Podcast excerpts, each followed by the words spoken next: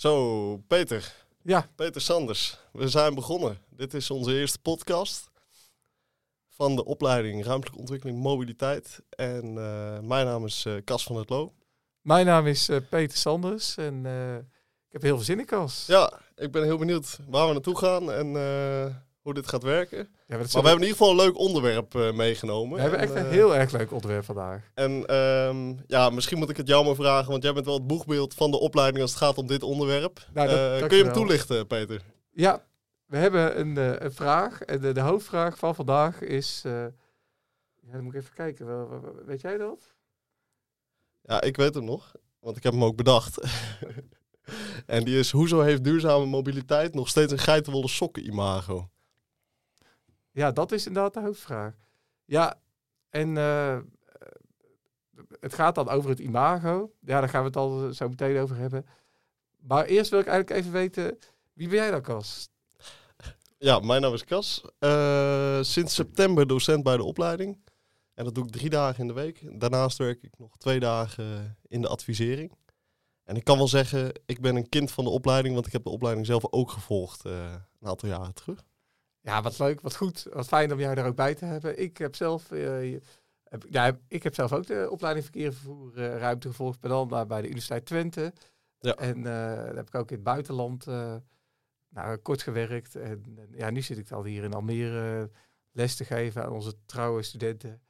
En, ja, met heel veel plezier. Goed.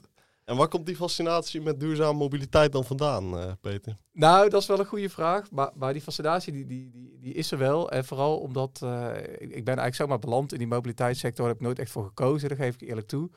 Maar nu ik er zo beland ben, dan zie je gewoon dat wij uh, verantwoordelijk zijn voor in de Europese, Europees grondgebied voor 29% van de CO2-uitstoot. En dat was toevallig deze week nog in het nieuws dat er een nieuw rapport is van de United Nations. En ja. ik heb zelf ook heel kort uh, onderzoek gedaan voor de United Nations. En van het IPCC, wat toch wel een oh, beetje gerenommeerd uh, klimaatpanel is. Dat uh, die klimaatverandering en vooral door de CO2-uitstoot gewoon heel erg hard gaat. En nou ja, dat zie je gewoon op dit moment al gebeuren in de wereld. Hè. We hebben in Nederland al overstromingen en droogte.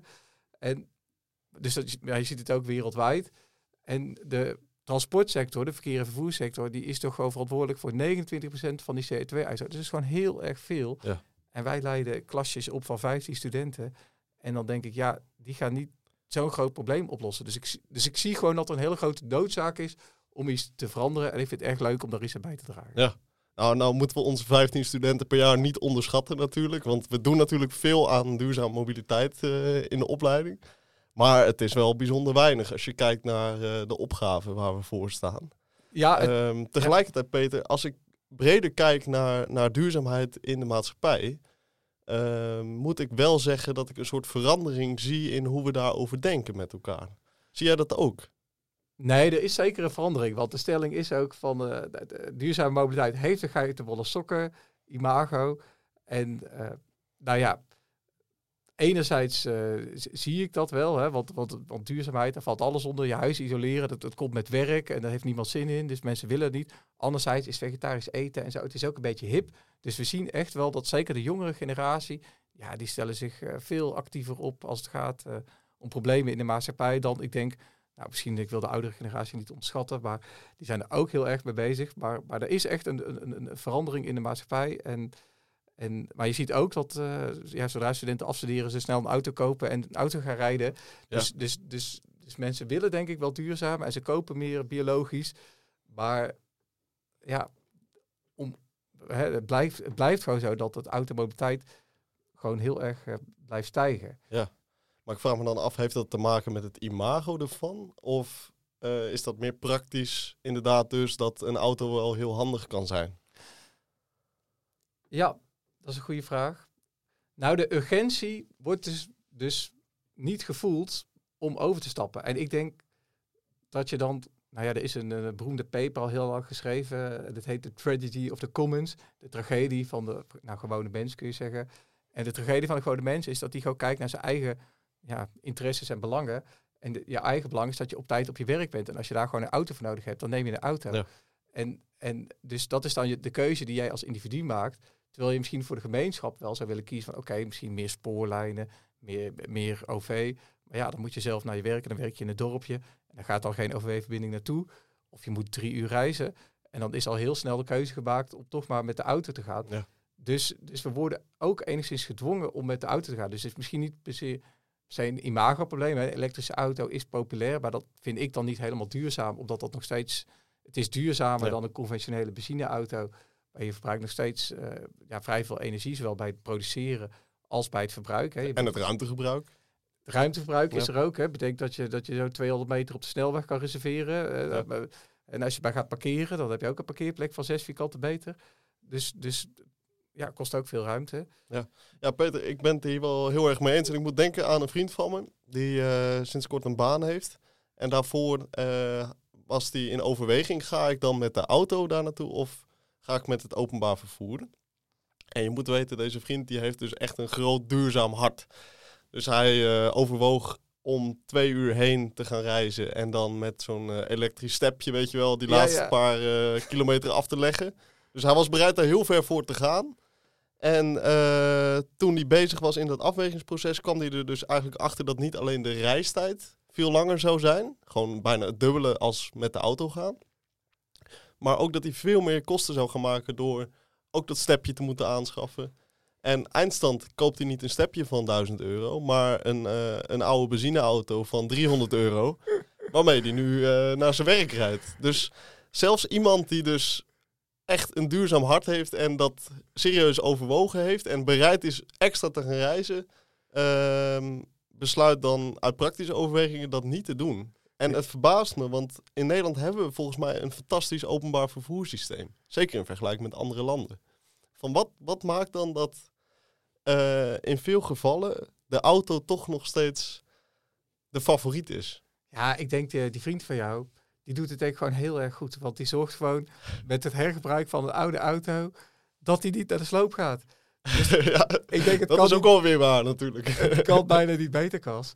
Dat, ja, nee, maar goed. Jouw, jouw vraag is... eh, eh, eh, ja, we hebben of we een goed OV-systeem hebben. Nou, als je, weet je wel, als ik... Ik woon zelf in Utrecht. En dan rijd ik wel eens naar Amsterdam met de auto. De- die heb ik zelf ook gewoond. En dan, dan heb je daar... Daar verbaas ik me toch altijd over. Twee keer vijf rijstroken liggen. Ja. Dat zijn tien rijstroken.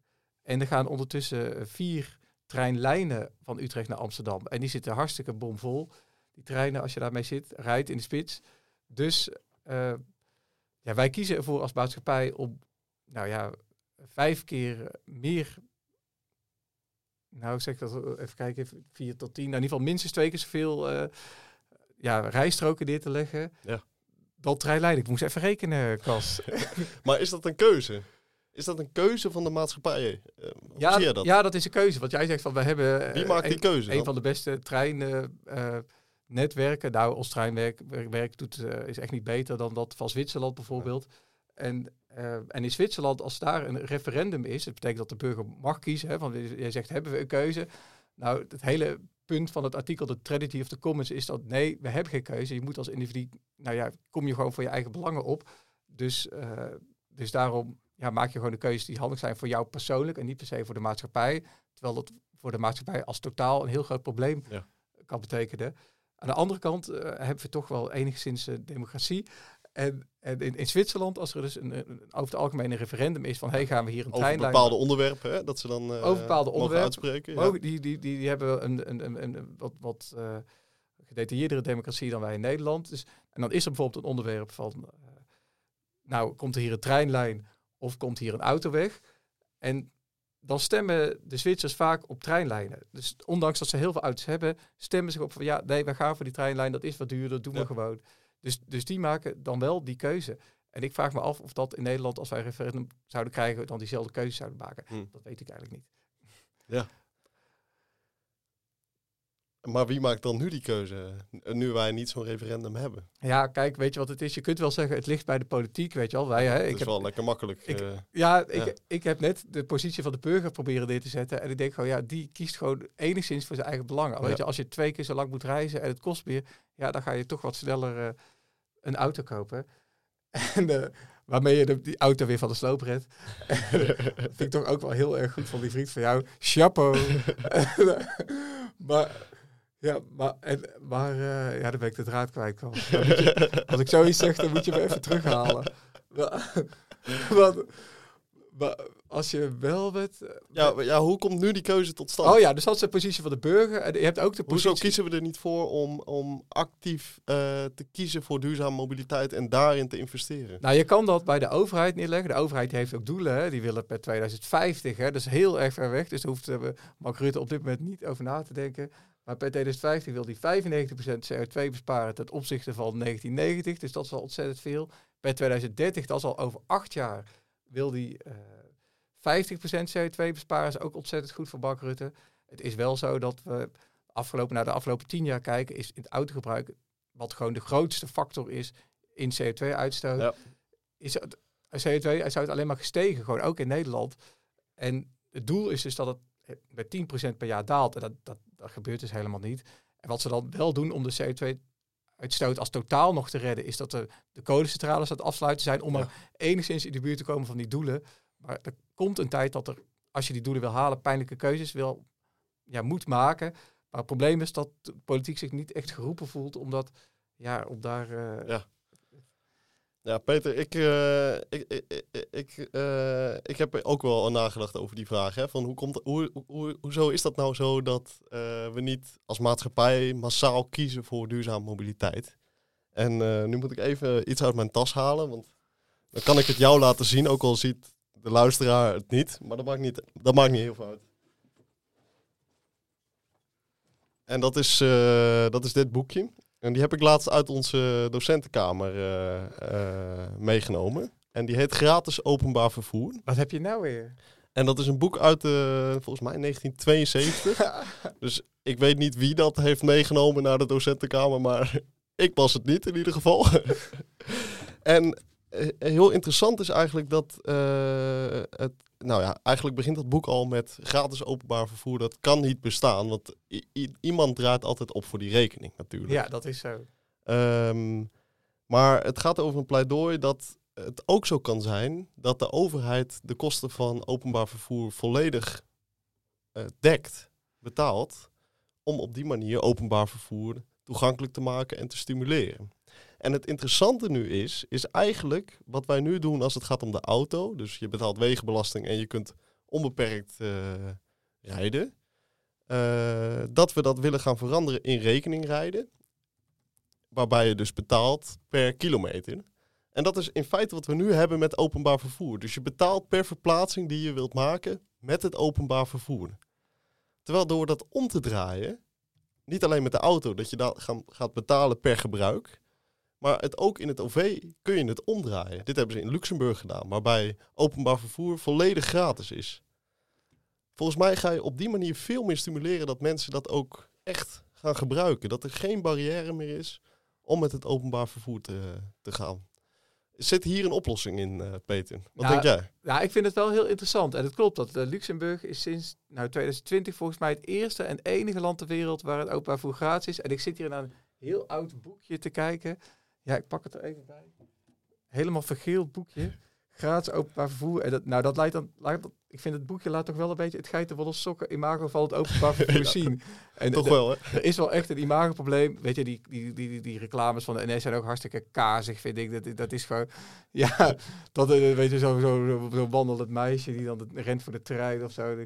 Ja, ik weet het niet. Maar, maar, maar goed, dus, dus ik vind wel weet je wel, als Mercedes met reclame komt, dan zie je gewoon een mooie auto. Fancy out, ja. En die, en die rijdt gewoon over uh, de bergen heen. En dan denk je, ja, fantastisch. Dus, dus nee, ik vind, wij kunnen echt wel werken aan ons imago. Gratis openbaar vervoer, dat doen ze inderdaad in Luxemburg, werkt dat.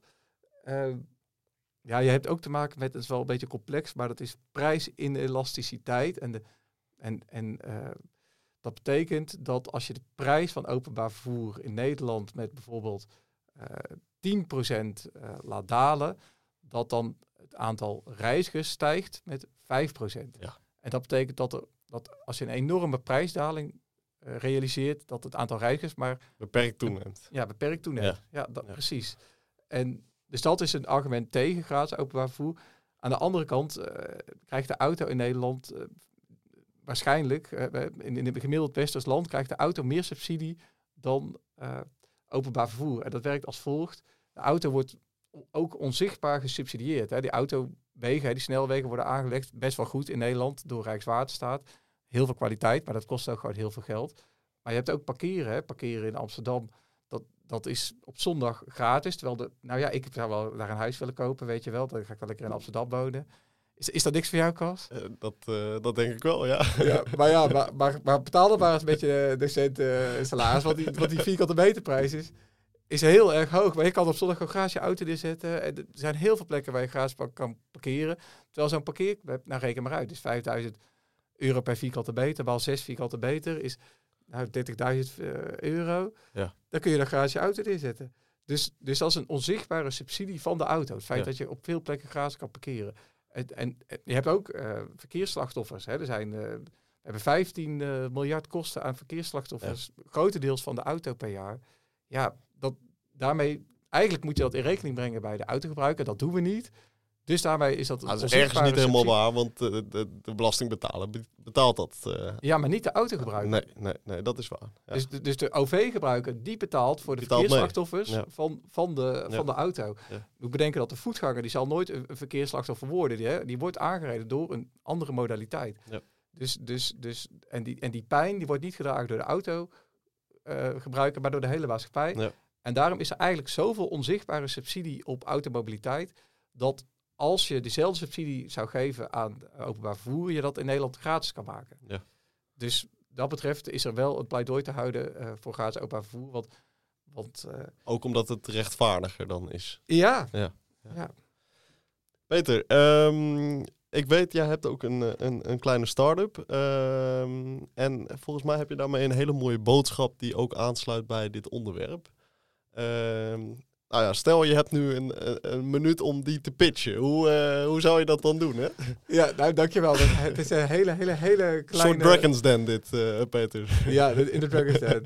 nou, we weten gewoon dat in de laatste 50 jaar in de academische wereld weten we al lang dat we iets moeten doen met het thema duurzame mobiliteit. Maar we zien gewoon in de praktijk, er gebeurt gewoon heel erg weinig. Hè. De ideeën die, die verzonnen worden, zoals bijvoorbeeld minder autogebruik, dat gebeurt gewoon niet in de praktijk. En we weten al heel erg lang dat we daar aan de, aan de slag mee moeten. En we zien ook in de laatste tien jaar dat juist in Europa het autogebruik is gestegen met 50%. Dus het daalt niet. Het kost gewoon heel veel energie. En met het oog op de klimaatverandering zou het mooi zijn als we er iets aan kunnen doen. En het idee van de start-up is dat de academische wereld, die weet het al heel lang en die probeert dat te realiseren. Maar misschien moeten we niet alleen die ideeën bij die academische wereld bekendmaken, maar bij de hele wereld. Ja. En daarom is het de idee van de start-up om een comedy, theater, media hype creëren. Want ik treed zelf ook op als stand-up comedian over dit thema duurzaam vervoer. En het wordt ook gewoon een hele leuke show, omdat, om het aantrekkelijk te maken op Netflix en op uh, social media en waar dan ook. Maar ook gewoon fysiek in theaters. En het idee is om nou, een stuk plezier, maar ook een stuk educatie. Want mensen willen leren, mensen willen goed doen. Uh, maar ze hebben, willen, hebben gewoon de kennis nodig om vervolgens iedere vier jaar als ze stemmen of als ze referenda komen, de goede keuzes uh, te maken. Dus jij wil die boodschap eigenlijk uh, overzien te brengen buiten die 15 studenten die jij uh, wekelijks spreekt. ja, ja, ja want wij, want precies, wat, precies dat. Ja. Want Nu, nu geven we die boodschap aan. Wij, wij leiden klasjes op van twee keer 15 studenten. En ja, dat zijn zulke kleine klasjes. Als je dat vergelijkt met de instroom bij journalistiek, waar er meer dan 100 per jaar instromen. Ja ja, dan, dan, dan, dan ligt er echt een hele grote opgave bij ons studenten waar, waar we gewoon weinig mee kunnen. En het lijkt me heel goed uh, om, de, om het als experiment, om dus te kijken van hé, hey, wat gebeurt er als we de hele bevolking meer gaan opleiden. En over dit onderwerp. Over dit onderwerp. En ik denk gewoon dat dat ook heel erg leuk is. Nou, ik uh, kijk er naar uit op, uh, op Netflix, uh, Peter. Ja. je maakt al een goede start vandaag met de podcast ja. natuurlijk. Dankjewel, Kras. En als er nog sponsors zijn van de start-up, je kan je altijd melden bij pba-sanders.windersheim.nl. en ook de sluikreclame is onderdeel van de podcast. Dankjewel, Peter. Hey, um, ik denk dat we een beetje kunnen gaan afronden. En misschien nog een laatste goede vraag, Peter. Waar in onze opleiding komt dit onderwerp nou terug? Nou, dit is wel echt een thema dat bijna in iedere cursus terugkomt. Omdat het zo, duurzaamheid zo centraal is voor, voor verkeer en vervoer. Uh, maar we hebben ook een aantal specifieke vakken, zoals uh, leefbaarheid en milieu. En dan kijken we naar de verschillende dimensies van duurzaam vervoer. Je hebt enerzijds heb je de normatieve dimensie. Dan, dat, en dan is van wat is belangrijk? Hè? Waar wil je geld in steken? Wil je het in verkeersslagstoffen steken, wat 15 miljard kost? Of dat je een snellere reistijd hebt, wat 5 miljard kost? Dus dat, dat zijn afwegingen hè, naar waarden. Dan kijken we naar waarden en normen. Uh, en we kijken ook concreet naar wat kun je nou in gemeente doen. Dat doe je meestal met een SUMP, dat is een Sustainable Urban Mobility Plan. Dat wordt ook door de Europa gesubsidieerd. Daar zijn heel veel steden in Nederland gewoon mee bezig, maar ook in de wereld. En dan kijken we, oké, wat kunnen we nu echt doen om bijvoorbeeld de CO2-uitstoot te verlagen in de stad aan beleid. En maatregelen met elektrische auto's, met meer fietsen, met slim uh, ruimtelijk beleid, hè, door woningen in de buurt van uh, stations te plaatsen. Dus nou, daar zijn de studenten hard mee aan de slag op dit moment. Ja, en in het nieuwe curriculum krijgen we natuurlijk een hele module uh, die hier aangeweid is. Hè? In het nieuwe curriculum, waar we volgend jaar mee gaan starten, gaan we daar een hele module aan besteden. En dan gaan we ook een stage inbouwen. En dat wordt echt, uh, ja, dat wordt prachtig. Internationaal. Ja, goed. Uh, mocht je nou denken, ik wil hier meer over horen. elke paar maanden is er een open dag op Windesheim. Dus ja, zoek het vooral op. Windesheim, mobiliteit. En ja, kom vooral langs. Kas, ik vind het alweer heel goed heb gedaan. We, we gaan hem afsluiten en daarvoor heb ik hier acht gekleurde knoppen, waarvan ik nog niet weet wat ze gaan doen. Maar we gaan hem afsluiten op een manier. Oh, dat doet niet, Kas. Ah, klinkt het niet fantastisch? We doen het nog één keer. Tot de volgende keer. Ik vind het een beetje creepy. Tot ziens.